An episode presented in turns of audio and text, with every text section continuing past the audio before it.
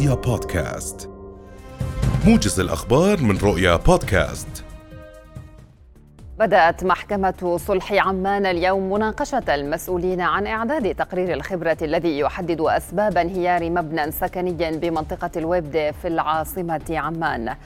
التقرير أشار إلى أن انهيار عمود الوسط في التسوية كان سببا في انهيار المبنى فيما قال أحد أعضاء فريق تقرير الخبرة لانهيار البناية. إن تسوية المبنى بالأرض وانهياره كانت بسبب أعمال الصيانة التي كانت في اليوم الذي شهد انهياره.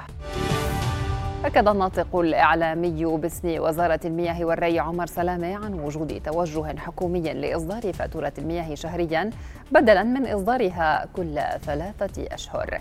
سلامة قال إن هذا التوجه لن يتضمن تعديلات على أثمان المياه والصرف الصحي مشيرا إلى أنه في حال اعتماد هذه الآلية فإنه ستطبق أو فإنه سيطبق رسميا مع بداية العام المقبل.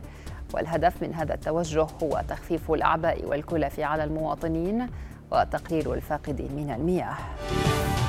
قال الناطق الإعلامي باسم وزارة التربية والتعليم الدكتور أحمد المساعف إن نسب التسرب المدرسي في الأردن قليلة جدا بالمقارنة مع النسب في الدول العربية والمتوسط العالمي. مرجعا ذلك للإجراءات التي اتخذتها وزارة التربية بهذا الخصوص. المساعفة قال في حديث لرؤيا إن المدرسة تتابع بشكل يومي دوام طلبتها ويتم تسجيل أيام الحضور والغياب إلكترونيا وفي حال تغيب طالب تقوم المدرسة بالتواصل مع ولي أمره لإبلاغه بذلك ومعرفة سبب تغيبه.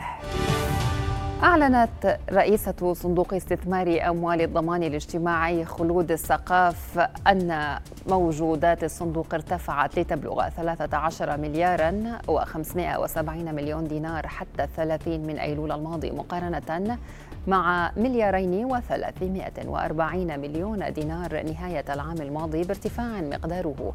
مليارا أو مليارا عفوا و200 مليون دينار. وبمعدل عائد على الموجودات بلغ 8.10% السقاف أضافت في بيان اليوم أن دخل الصندوق بلغ 505 ملايين دينار للفترة منذ بداية العام إلى نهاية أيلول الماضي مقارنة مع 440 مليون دينار لنفس الفترة من العام الماضي وبنمو نسبته 15% مشيرا إلى أن هذا الارتفاع يعود بشكل رئيسي إلى نمو الدخل المتحقق من أدوات السوق النقدي والسندات وأرباح محفظة الأسهم.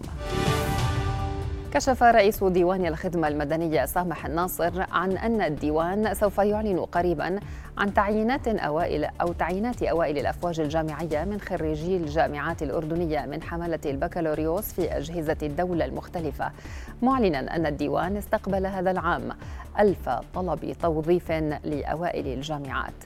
الناصر لفت إلى أن ديوان الخدمة المدنية يعمل على تتبع هذه الطلبات ومن ثم سيعلن عنها لغايات التنافس على الشواغر مبينا أنه سيتم الإعلان عن المقابلات الشخصية للمتقدمين خلال فترة قريبة جدا لاتخاذ الإجراءات وفق أسس التعيين ويصار بعدها لتعيينهم في أجهزة الدولة المختلفة وفقا للشواغر وللتخصصات المتاحة.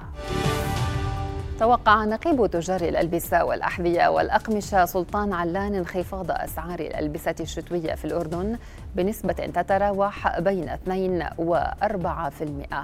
علان قال في حديث لرؤيا إن مستوردات قطاع الألبسة أقل من المعدلات الطبيعية متوقعا استقرارها حتى نهاية العام الحالي.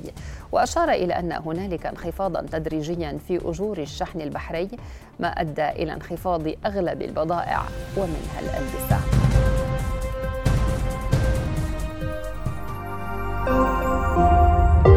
رؤيا بودكاست.